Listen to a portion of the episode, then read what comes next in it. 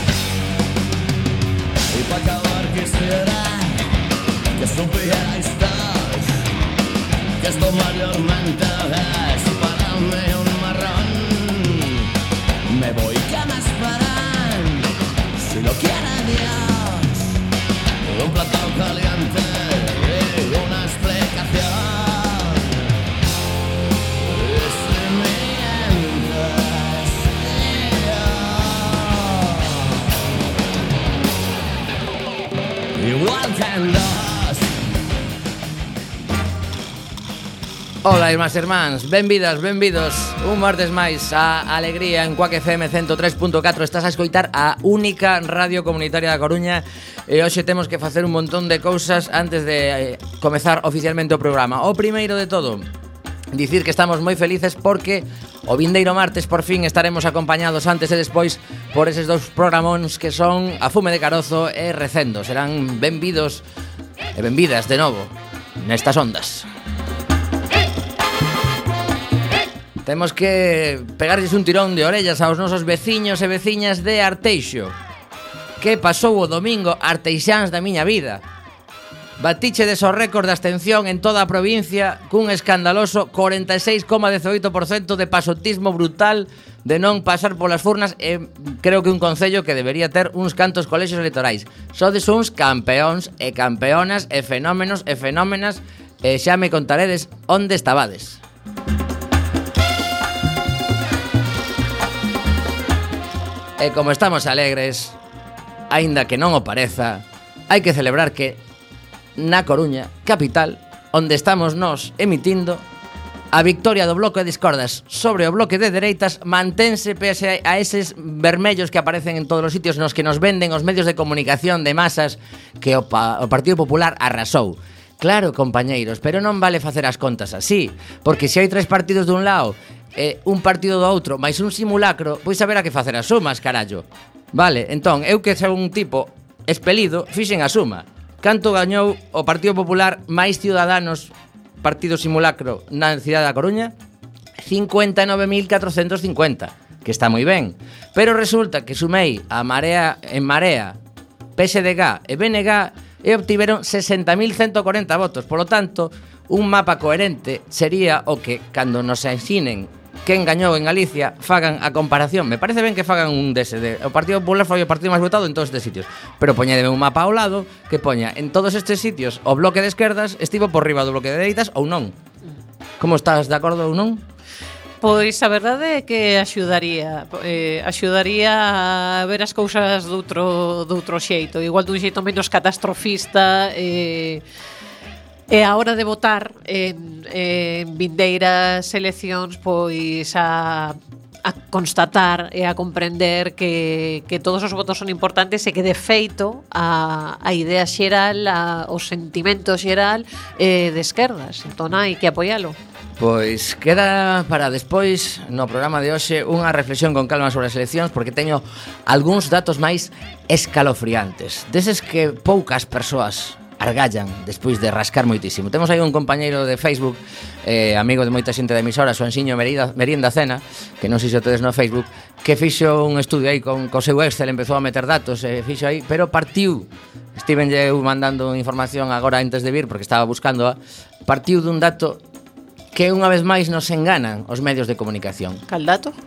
Dígolo despois. Mm. Agora quedamos coa primeira canción do programa de hoxe, Mr. Bugalú, que aínda non puideches comentar nada, non sei se tes intención de facer algunha referencia Mm, sí, pon cara de, bueno, veña, xa que estou vou facer Polo menos a da audiencia As dúas, no, as dúas cousas. Non estou de acordo con iso que dis de eh, bloque de, bloque A, bloque B eh. Vale, vale, bueno, pois pues, eh, falaremos disto porque, despois. Porque o bloque B é moi bloque B Pero igual o bloque A tampouco é tan bloque A. Vale, pois queda para despois Abriremos os teléfonos a participación Abriremos o noso Facebook tamén Pero antes diso temos unha cancionciña estupenda Que hoxe vai presentar Mariano E unha chamada telefónica telefónica por un acto que vai haber o vindeiro Benres na cidade eh, creo que paga a pena adicarlle uns minutos Que imos escutar? Pois a Fridonia Mira que ben. Un título super simbólico, moi que vai moi ben para, para o día de hoxe que eh, que fixen mal. Pois, pois pues reflexionemos con Fridonia.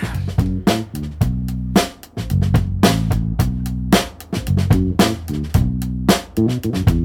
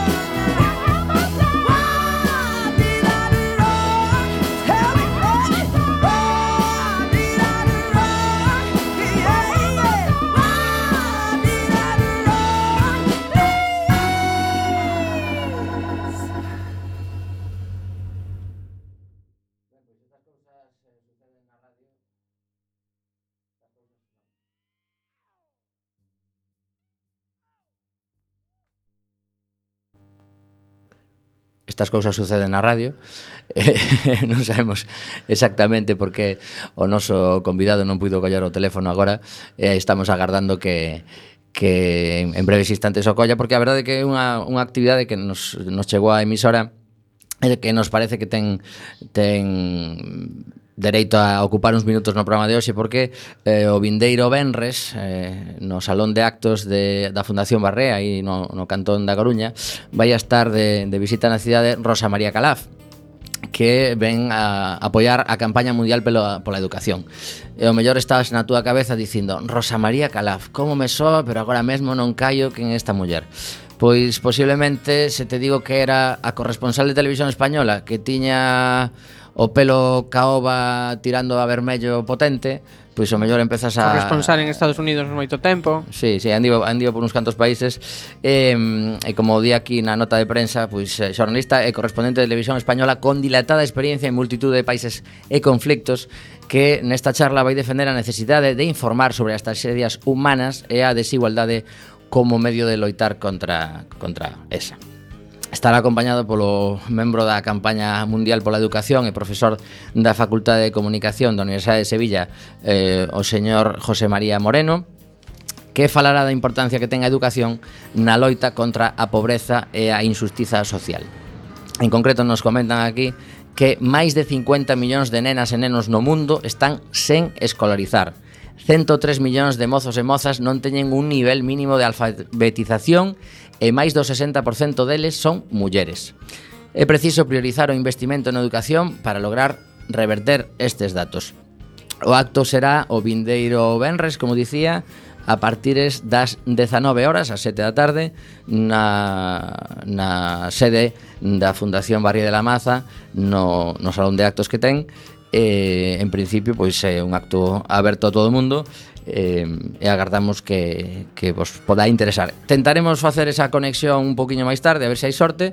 Eh, mentres tanto, pois continuamos co programa de hoxe e eh, imos eh, sair de dúbidas antes sobre ese dato que dicía eu que nos están chegando eh, de alguna forma pois distorsionadas as, as cifras, porque eh, en que me baseo eu? Vale, pois se ti colles todos os xornais, aparece que o total de votantes en, en toda Galicia foi de 1.438.054 persoas, que a abstención foi de 817.702 persoas, houbo 14.486 votos nulos e 13.960 votos en branco. Sumado todo iso, dá un total de 2.255.756 votantes, electores. E a partir de aí fan todas as porcentaxes. E de onde saco eu que nos están enganando? Falta o cera. Efectivamente. O que? O total, a, a, o censo de españois residentes no estranxeiro. Ah. Que ascende ascende a unha cifra de 446.235. Wow. Repito, 446.235 que teñen que solicitar o voto rogado. Vale, eu mm, teño en Facebook a, a Juan de Dios Martín, que xa estivo nesta emisora emitindo, que é un produtor discográfico que traballa en Los Ángeles, que solicitou o seu voto rogado e non lle chegaron as papeletas. Non sei evidentemente un dato que descoñecemos a cantos destes eh, residentes no estranxeiro que fixeron a solicitude non lle chegou. Pero a onde vou parar isto? A, a onde vou parar con todo isto?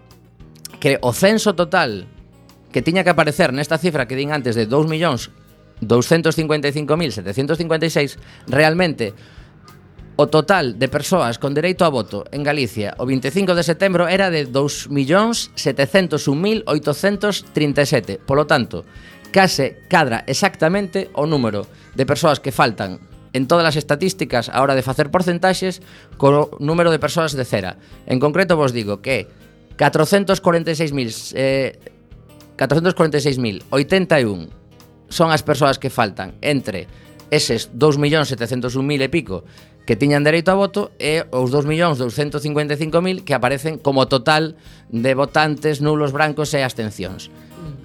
Desaparecen estas persoas e a partir de aí calculan todo. E para min é un eh, fraude un pouco á cidadanía que non se nos informe de que falta toda esa xente. Porque estamos esquecendo a moitísimas persoas que estiveron connosco ata que chegou un momento que a súa desesperación vital para moitos, outros decidirían irse porque lles apetecía, porque se enamoraron polo que sexa, pero moitos se foron a traballar buscando un pan que aquí non tiñan e están desaparecendo das estatísticas oficiais. Eh, eh, non estamos falando dun número menor, que estamos falando de case medio millón de persoas que moita, moita xente. Bastante, a mí me parece moi significativo. En, que non entendín ah, claro, eh, que no cómputo, no cómputo agre, o sea, o, non aparecen non, en abstencións. Non, non usan o censo, digamos. Exacto. Non, non están tomando como a, como a punto de partida o censo electoral, senón o, o, o, o voto agregado, digamos. Pero a cuestión, eu me pregunto de onde o restan, claro. No, non, é que non aparecen Non os sitúan na, na abstención. En ningún sitio, tampouco, claro, non. Porque o seu sería que estivesen dentro da abstención. A iso vivo.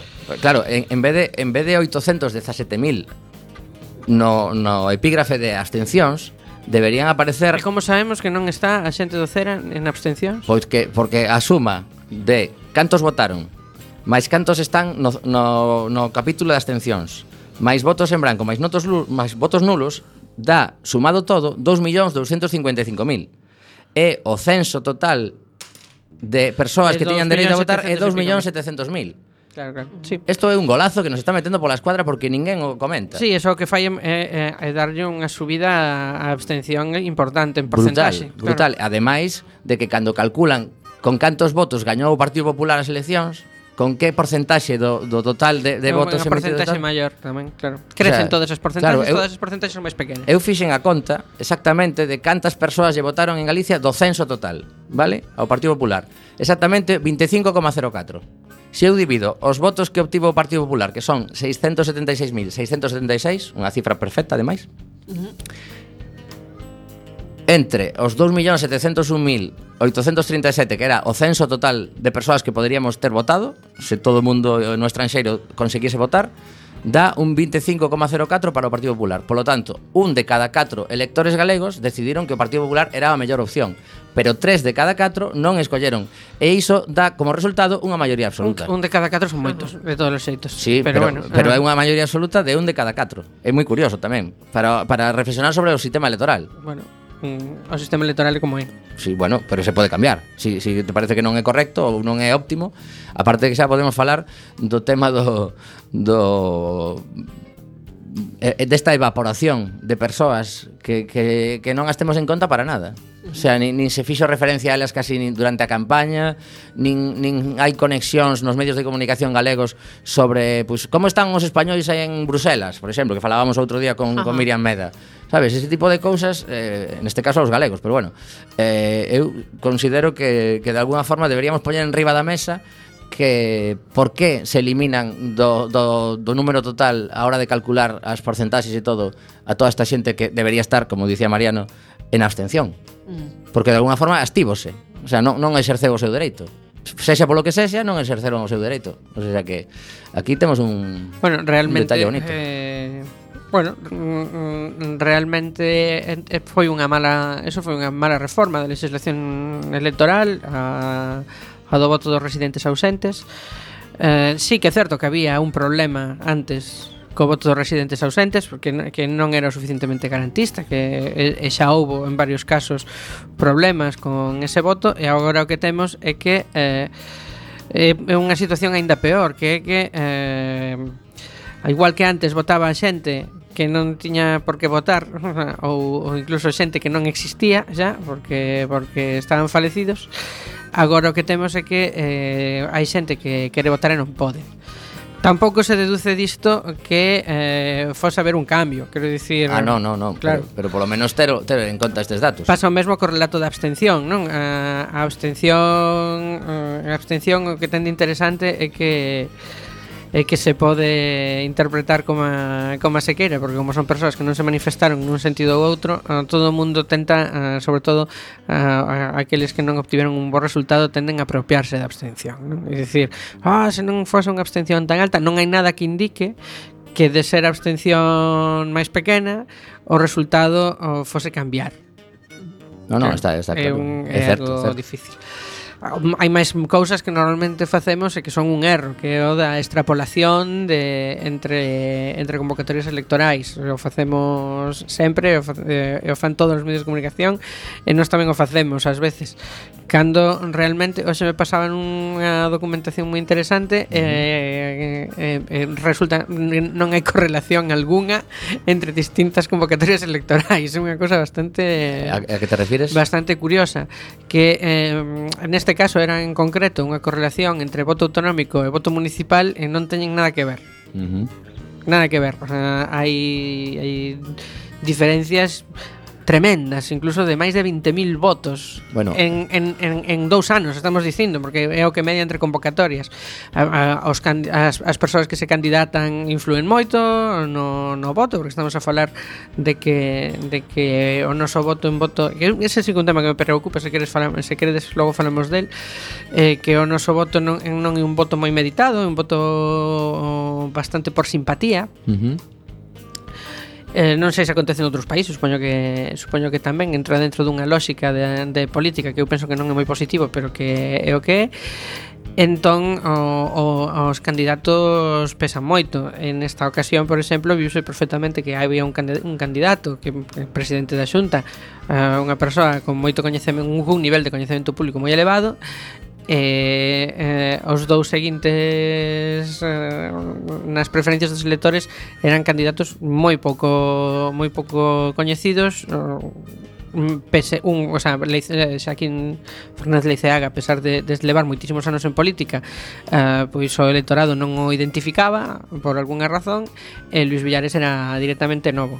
Sí, sí. Eh, Home, unha das xogadas precisamente do, do actual presidente eh, Alberto Núñez pois foi quen, ese, sodes, ese, quen, quen son vostedes? Ese, non, sobre todo ese, ese adianto electoral que foi unha xogada bastante inteligente porque o día seguinte de gañar as eleccións tiñamos a todos os seus compañeiros de, por exemplo, Rodrigo Rato entrando nos xulgados para ver se si as tarxetas black esas que manexaban con alegría espectacular pois eran delito ou non. Entón, eh, está claro que o que ten a capacidade de, de repartir cartos entre os medios de comunicación, de, de poñer o día das eleccións reaccións, este tipo de cousas parece que non, pero ao final se notan. Aparte, da, da, me gustaría topar o dato dous datos me gustaría topar se alguén, mira, vou dar o teléfono de, de Alegría, bueno, de, de Quack FM, por se alguén quere entrar agora en antena, 881 02, perdón, 00 223, joder.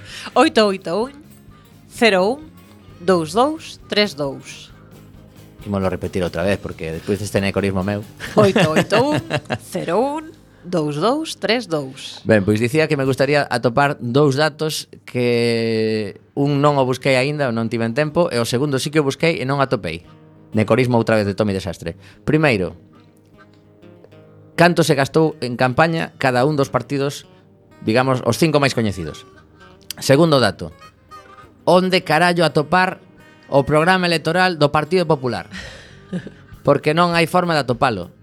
Porque mm, rapidamente a páxina web que estaba dedicada a Feijó Ahora aparece unha foto del que di Grazas E xa non, non, non tes acceso a nada o sea, É unha, é unha páxina web morta Que simplemente é unha foto del. Ajá. Entón, eh, se si alguén atopa o programa electoral do Partido Popular Por favor que non lo mande. Eh, Damos eh, a, a dirección de correo de comunicación Arroba cuacfm.org E comentar tamén que... Eh, sinceramente Um, ese, ese dato que tamén pedía eu sobre canto se gastou cada un en campaña Ao final, queras que non, os cartos tamén influen nestas cousas. Eh, O feito de que a xente coñeza un candidato máis e outros menos É que o mellor un mm, ten, por dicir algo, 3 millóns de euros E outros teñen 100.000 euros. Eh, falaba antes Mariano dun dos datos eses de extrapolación entre eleccións unhas e outras e como, como dato que comentamos aquí hai, hai un par de semanas, creo, esa famosa cifra de 191.000 votantes de Ciudadanos en Galicia nas eleccións xerais quedaron agora en 48.000. Eso de presentar unha candidata que non coñecía ninguén, esa sí que era descoñecida, que non vivía aquí, que non sabía galego, no, bueno. ese foi o típico simulacro de nos presentamos por, por, por amolar o menos posible o Partido Popular.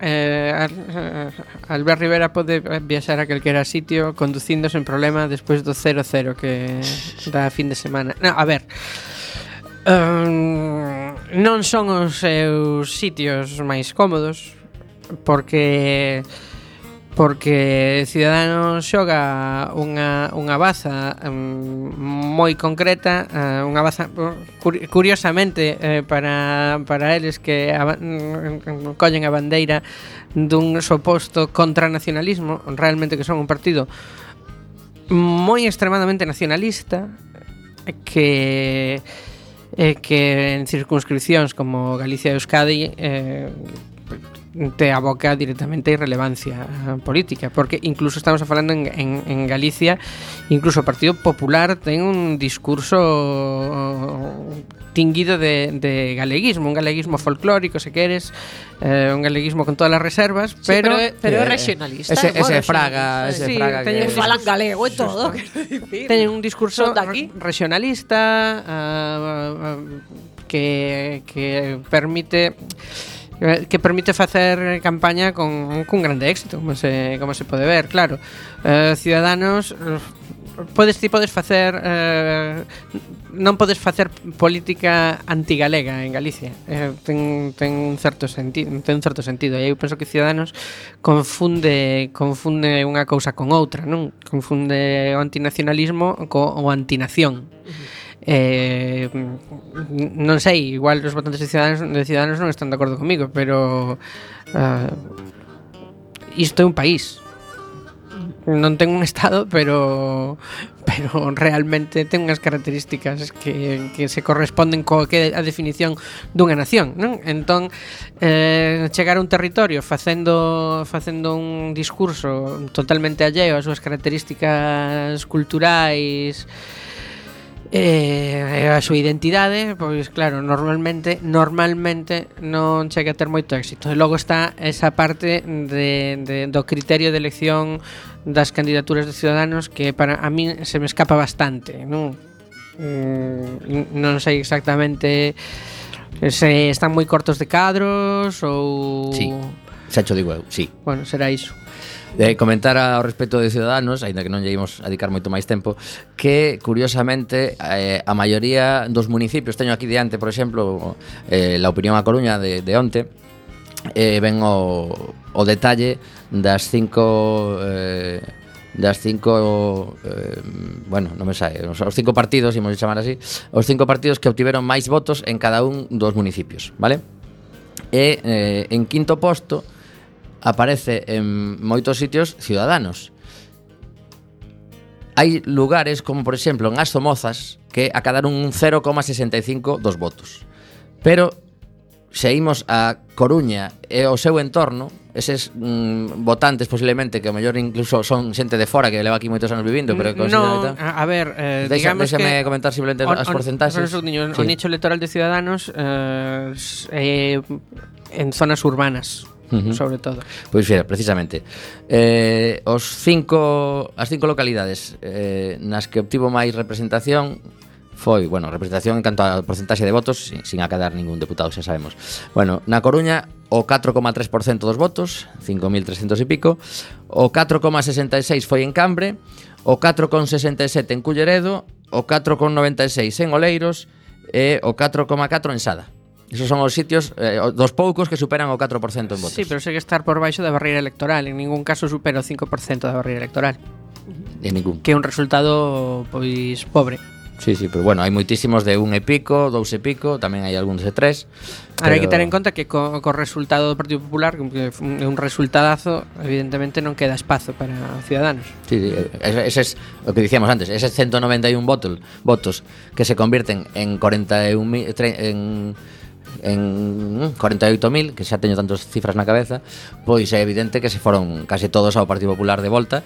Eh, entrando xa nos, nos partidos eh, do bloque de esquerdas, aínda que Mariano agora vai, vai dicir porque non considera que podemos chamar así a, a esa suma de votos que facía ao principio do a programa. A ver, porque distan moito de ser un bloque, Eh, a ver, pero depende internet. Hai eh. dif diferencias, no, pero hai diferencias eh, que son esenciais. Bueno, pois pues, imos chamarnos os tres que dicían que en caso de ter maioría de terían deputados formado terían formado un goberno. Vale. Bueno, Esa bueno. era a miña referencia. Se si, si consideras máis correcto iso? Non, eu o digo sobre todo porque porque os comportamentos ante as políticas de austeridade ou sobre cousas sobre o tratado internacional de sobre o TTIP hai cousas que son dunha importancia moi grande na que eh, hai nesas tres forzas non hai acordo. Xa. Que tenía moito que falar, queres dicir. Debería velo, pero non o hai. Xa, xa, xa, xa. Polo menos o que vemos cando están en Europa, por exemplo. Por exemplo. Ben, pois estamos a falar do PSDG, de En Marea e de Bloque Nacionalista Galego. Pero agora é un momento para facer unha pausa no programa. Eh, imos escoitar unha cancionciña e eh, a volta dela a Econova eh, teremos unha segunda parte dedicada ás eleccións autonómicas e incluso, o mellor, a esa chamada telefónica que dou aí.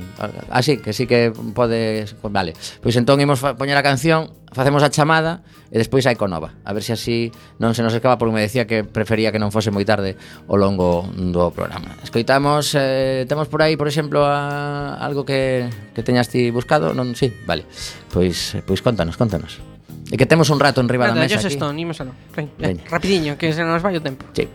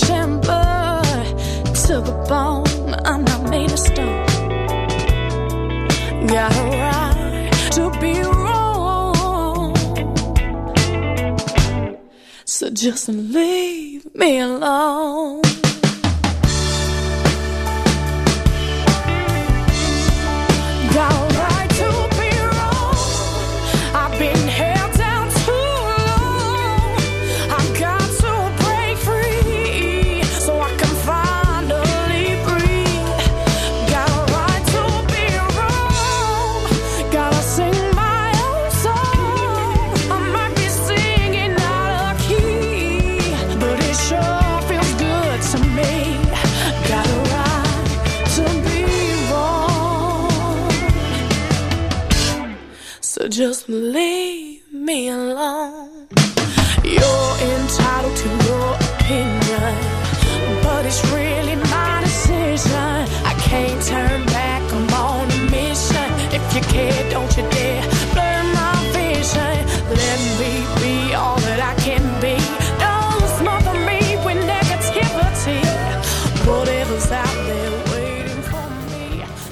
6 e 34 minutos estás a escoitar a Radio Comunitaria da Coruña, a Coac FM eh, Agora sí, parece que temos xa no teléfono a Rafael Veiga de Diego Un dos integrantes da coalición Campaña Mundial pola Educación en Galicia. Hola, boas tardes. Hola, boa tarde. Pois, eh, grazas por atender o, o noso teléfono.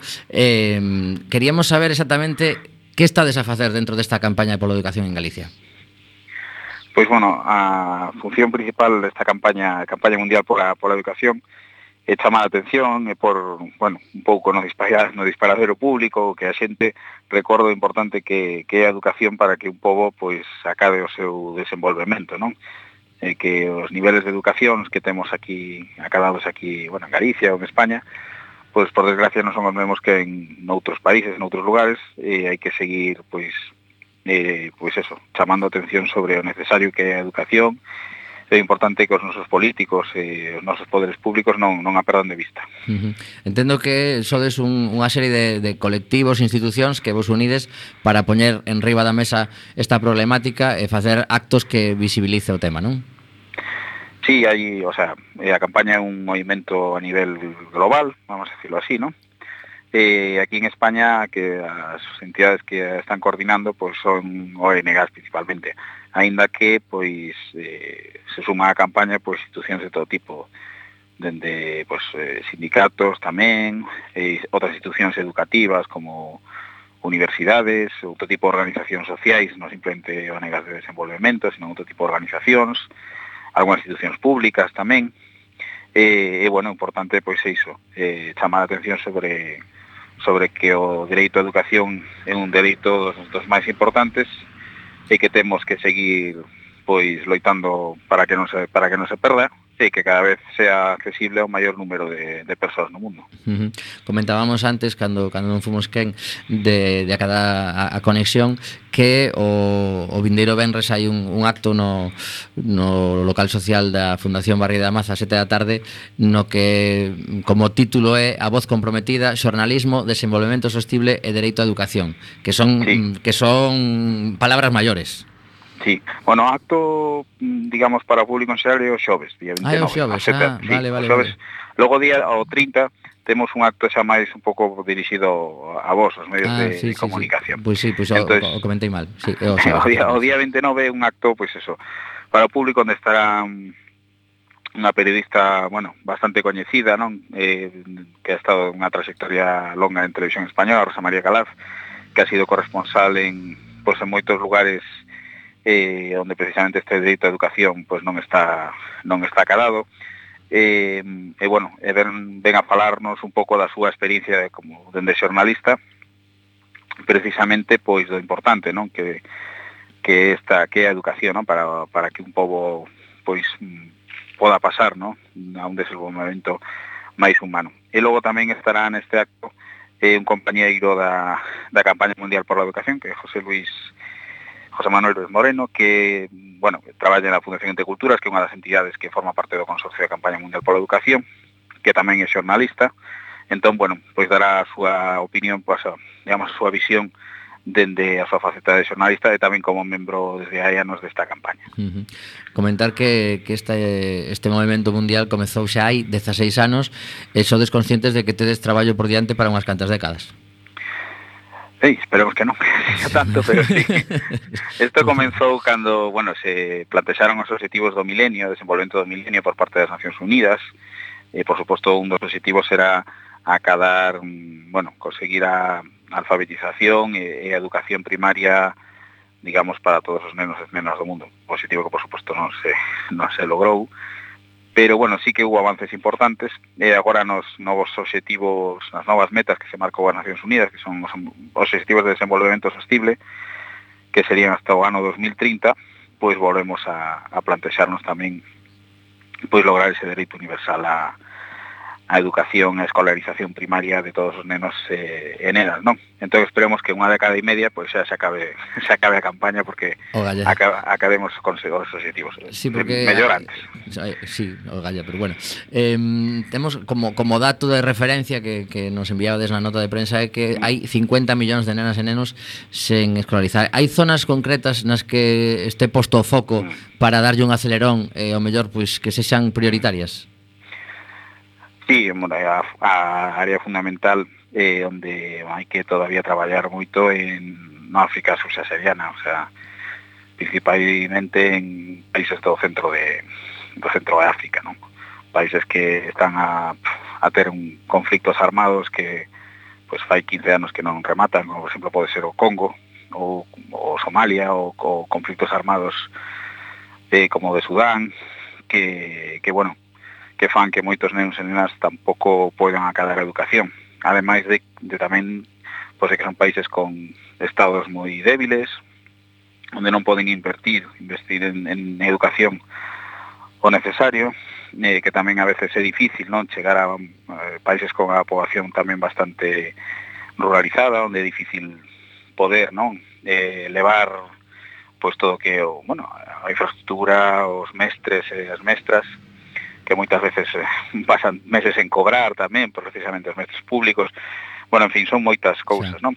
É verdade que se que se lograron avances, eh, moitos destes países eh, estos en estos 15 anos lograronse moitos avances, eh, o sea, hai que ser tamén positivos. Claro, o sea, hai de, de alguna forma estes 16 anos de, de traballo, pois que, que vexan os resultados tanto mm. tanto vos que estades aí detrás do proceso como mm. como sí. responsables que ao final seguramente terán pois que aportar fondos e infra, infraestructuras claro. eh bueno, todo que se xa avanzar está claro que que é fundamental.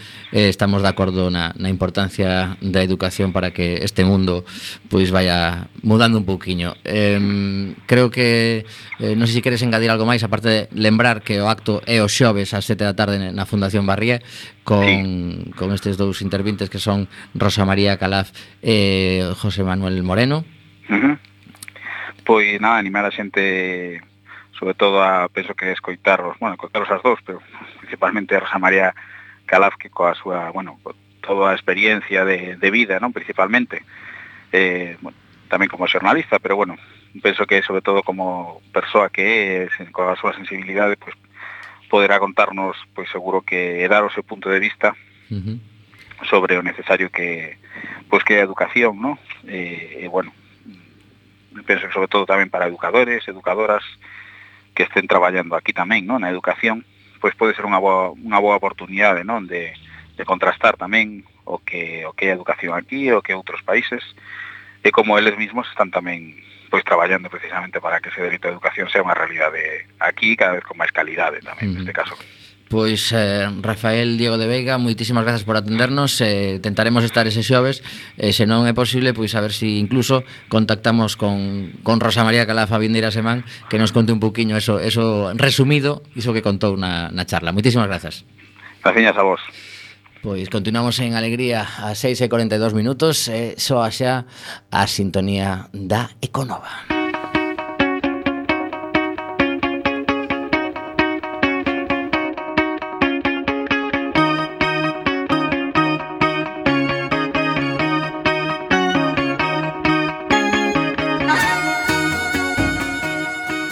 Continuamos en Cuac FM 103.4 no teu dial. Son as 6 e 43 minutos deste martes 27 de setembro de 2016. Estás en alegría no apartado da Econova e xa sabes que se non estamos neste día en esta hora e que nos escoitas en redifusión.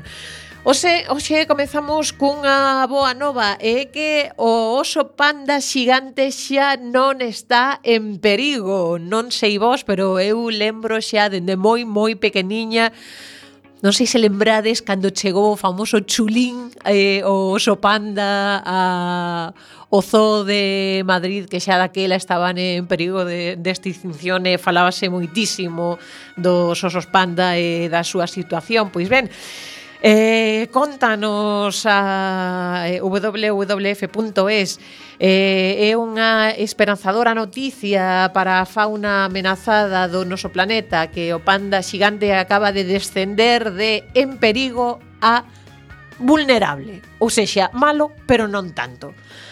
Na lista global de especies en perigo de extinción, demostrando como un enfoque integral de conservación pode axudar a salvar a biodiversidade en declive deste planeta. Bueno, tamén demostra outra cousiña, eh? Que? que, que se és riquiño tes moitos máis moito máis dado salvar salvar o pescozo. O menos si que che diga, porque sendo riquiño no seu momento chegaron a estar en perigo de extinción. Porque ninguén sabía que carallo viña sendo un oso panda, pero claro, despois cando empezaron a facer fotos Os eh, chinos eh, sí que o sabían. Que cousa máis eh... riquiña, pero igual para os chineses non é riquiño. Ajá. Para o resto é riquiño, pero igual para eles non tanto. Porque se unha mosca, seguro que estaba fastidiado, eh, o oso panda. Pues un, un bicho feo e tal, un mal rollo. Pero estes, ademais, ademais son super riquiños, vegetarianos, ah, te teñen todas, non? Sí. Non sí, molesta sí, sí, ninguén, sí, sí. que van bueno, protestar os bimbios. Poden, poden, poden molestarche de, de de puro empalagoso.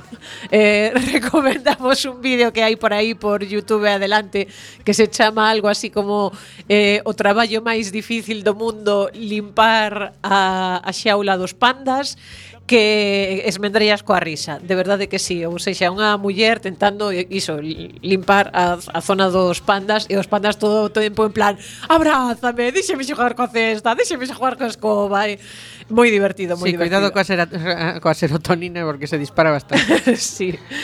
Eh, ben, pois iso, contanos Marco Lambertini, director xeral de WWF.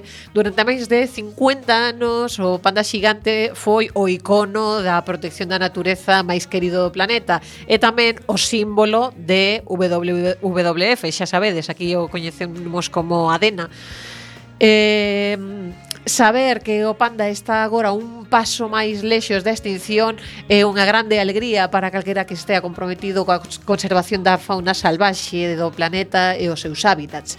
A recuperación do panda amosa que cando se combinan a ciencia, a voluntade política e a implicación das comunidades locais podemos salvar especies en perigo e axudar a biodiversidade. Ben, Tiñamos esa boa noticia, pero resulta que dentro da, mi, da mesma listaxe que pasou o oso panda de en perigo a vulnerable, tamén temos malas novas. Contanos que 4 das 6 especies de grandes simios están a un paso da extinción. A última actualización da lista vermella de especies amenazadas da Unión Internacional para a Conservación da Natureza visibiliza a situación crítica de 4 das 6 especies de grandes simios que existen no mundo, según a última actualización presentada no Congreso Mundial da Natureza. Trátase do gorila oriental, eh, que é unha das especies máis eh, achegadas ao ser humano, está moi afectado polo furtivismo, eh, seguramente vos soará de velos na, na película Gorilas en la niebla porque unha das subespecies destes gorilas era a que estudiaba Diane Fossey. Ben, pois O gorila oriental tamén eh, o gorila occidental, o orangután de Borneo e o orangután de Sumatra, clasificados na categoría en peligro crítico, mentras ves, que... Ves como esos non son tan riquiños como os osos panda. Ti veches a película? Xeran un amor. Sí, bueno, un amor... Un... Eran un amor moi grande e cheos de músculos, claro, pero eran un amor. Tamén hai xente que lle gustan moito os trens de mercancías, pero... No, eran moi riquiños, moi bonitiños, sí, que diso? De feito, estamos a piques mercar un par deles para ter por aquí por cuac. pois son... era unha idea. Sí, seguro, sí, sí, sí. moi guai. Temos un pouco de erva aí fora e tal. Ajá. Eh, nos conta Inger Andersen, directora xeral da da UICN. Vivimos nunha época de grandes cambios e cada actualización da lista vermella amosa que a crise global da extinción avanza, avanza a gran velocidade. As accións de conservación dan resultados e cada vez temos máis evidencias e probas de que é así. A nosa responsabilidade é intensificar os nosos esforzos co fin de reverter a tendencia e salvagardar o futuro do noso planeta. E rematamos cunha noticia boa, porque senón, senón Tomi se tensa. Eh, é sobre o uso de residuos textiles, eh, nos conta a Universidade Politécnica de Madrid. Na Unión Europea rexeitanse case 6 millóns de toneladas de residuos textiles ao ano, dos que só o 25% son reciclados e o resto van para incineradoras ou a vertedoiros. Só en España en 2011 xeráronse máis de 300.000 toneladas. Esta é a boa noticia, eh? Atención. Sí, sí, sí. A ver, este é o pre, isto é a entradilla, vale, ¿no? vale, entón ahora nos contan. Ah, vale, Tres investigadores da Escola Técnica Superior de Arquitectura da Universidade Politécnica de Madrid levaron a cabo unha investigación na que utilizaron materiais textiles para obter paneis para divisións interiores, para casas, vamos, eh, para apartamentos, que poidan ser utilizados tanto en obra nova como en rehabilitación de edificios. Estes paneis teñen un peso menor respecto a outros similares no mercado, mellores prestacións acústicas e térmicas, ou sexa, son máis difíciles de incendiar e son menos tóxicos. Ademais, o uso de materiales reciclados contribúe significativamente á reducción do consumo enerxético derivado da fabricación de materiais, o tempo que reduce coñece o impacto ambiental eh, da súa incineración ou do seu almacenamento en vertedoiros. Ademais, os residuos empleados non precisan ningún tratamento especial. Mira ti. Era unha boa nova. Era boa, sí. era boa. Sí, sí, agora que evolucionen, que teñan cartos para seguir investigando e eh, mellorando o, o E que, e que haxa alguén que poña, que poña cartos para desenvolver o sistema e non para mercar a patente e deixala aparcada. Tamén, tamén. Pero bueno, a ver se si temos sorte. Bueno, pois continuamos con eh, o segundo episodio das eleccións galegas neste Alegría Post Victoria unha vez máis por maioría absoluta do Partido Popular o pasado domingo eu achegueime ao meu colexo electoral ademais de facer eh, esa función que deberíamos mm, ter exercitado pois, un pouquiño máis polo menos dos que fumos Arteixo, que pasou? Que vos teño aí, teño que ir a Barteixo a preguntar, eh, porque isto foi tremendo. Ti, ti sigue facendo amigos, xa verás sí, sí. que... Que nos chamen. 881-01-2232. Chamádenos, explicádenos por qué. Que pasou, Barteixo? Bueno, pois temos aí temos aí a dúas persoas eh, foi unha cousa bastante rápida tiña bastante presa eu, pero quixen aproveitar uns minutiños para preguntarlle a xente entón, das, das catro persoas co que, coas que intentei eh, sacarlle unhas palabriñas dúas dixeron que sí unha terceira que nin de coña e unha parella de nai e filla que ian a ian a contestarme en canto viron que ia a gravar e a súa voz ia a sair na radio dixeron que nin de broma que contarme a mi cousa sí, pero que a súa voz se gravase non. Entón, quedamos cun matrimonio maior que a señora era super desconfiada, eh, eh, casi casi que controlaba se si o seu marido podía contestar ou non, e despois unha parella de 30 e tantos cun rapaciño en eh, pois eu calculo dun ano, máis ou menos. Imos escoitar a ver que nos contaban sobre as súas impresións destas eleccións. Estamos no Colexio Electoral da Casa da Auga da Coruña sí. e temos a unha persoa que acaba de votar aí uns minutiños e queríamos facerle unhas preguntas ao respecto de, desta, destas eleccións galegas. O primeiro, vostede antes de comezar a campaña electoral tiña pensado o seu voto, tiña bastante claro quen votar? Sí. Ajá. Eh, durante a campaña fixo seguimento a través dos medios de comunicación do que dicían os políticos? Sí. E pode dicirnos en que medios de comunicación recibía esa información? pois na Onda Cero, en nas televisións. Algún, algunha en concreto que lle parece máis interesante? algunha televisión, por exemplo, que só a escoller? Bueno, na Galega, en Telecinco, e, uh -huh. por aí nalgúna máis. Non, ahora non me acordo. Eh, considera que foi interesante que escritou durante a campaña nos diversos políticos? Sí, foi interesante. Uh -huh. Non lle fixo cambiar o seu o parecer meu, en ningún o momento. O meu voto non. Ajá. Vale, e como considera que está a, a situación actual do, do país? Está complicada. Uh -huh. Está complicada, moi complicada. E, pensa que hoxe vai votar máis xente que nas anteriores ou estará máis ou menos igual? Eso non, non sei. Ajá. Non sei. Moi ben, pois moitas grazas. Gracias. Veña, ata logo cumplir un objetivo. Sí, sí, totalmente. Claro, claro. é que estaba moi preocupado porque a ver que lle llegamos preguntar. Xa avisei a xente que non ia a preguntar a quen votaran, que non me parecía unha a señora estaba super preocupada por ese tema, eh. Ti non digas a quen votas, eh. E eu dicía, "Non, señora, tranquila, que non lle vou preguntar por iso." A min Aparte eh, pode pode recirme, non cho vou dicir. Non non non facía falla, señora. Realmente non é necesario. Vale, pues, eh, eh, chamou bastante atención a resposta do A min chamoume moito moito máis a resposta da señora que a señora, da señora señora do señor que e cambiou o seu sentido da batalla. A señora di nunca, por ali detrás dis. bueno, no, digo que eh, estivo interesante o que me dixo a parella, xa, bueno, falou el, pero, pero estaban os dous eh, máis ou menos en sintonía, podemos dicir. Ben, pois temos a, a outra parella que está aquí co, co pequeno Acaban de exercer o dereito a voto eh, A pregunta coa que comezamos é eh, Antes de comezar a campaña Tiñas xa bastante claro a quen ías votar? Non, non o tiña nada claro eh, entendo que seguiches un pouco a campaña, e eh, axudoute a decidir? Eh, tampouco me axudou moito, eh, que digamos. Eh, de feito, tiñamos, o sea, antes de chegar hasta aquí, o sea, onte, onte mesmo non tiña moi claro que iba a votar. Uh -huh. E a través de que medios de comunicación seguiches a campaña? Pois principalmente a radio. Algúna en concreto que soes escoitar? Eh, mm, pois a Radio Galega. Ajá. Radio Galega e, eh, bueno, un pouco en xeral. Eh, algunha valoración sobre o que escoitaches na campaña que, que te chamou a atención ou cosas que pensas que, que iso non o van cumplir, por exemplo, cando estás escoitando? Pois mira, principalmente o que me chamou a atención, bueno, o que me chamou a atención é que, bueno, ven sendo unha práctica habitual eh, os ataques mutuos entre diferentes partidos. O sea, parece que todos, o sea, o, o principal é atacar o contrincante eh, e non aportar realmente un, un, un proxecto de goberno, non? Agardas que que hoxe haxa máis participación que nas anteriores ou pensas que vai estar igualado? Eu penso que vai haber menos. Menos aínda. Menos participación. En, en Dame que, impresión que sí. En que te baseas? Hai moita xente desencantada, xa, polo meu entorno de traballo, falo coa xente e vexo que en xeral está todo o mundo moi desencantado. Uh -huh. eh, consideras... Un pouco reflexo, un pouco reflexo sí, sí, das digamos do, do panorama nacional. Claro.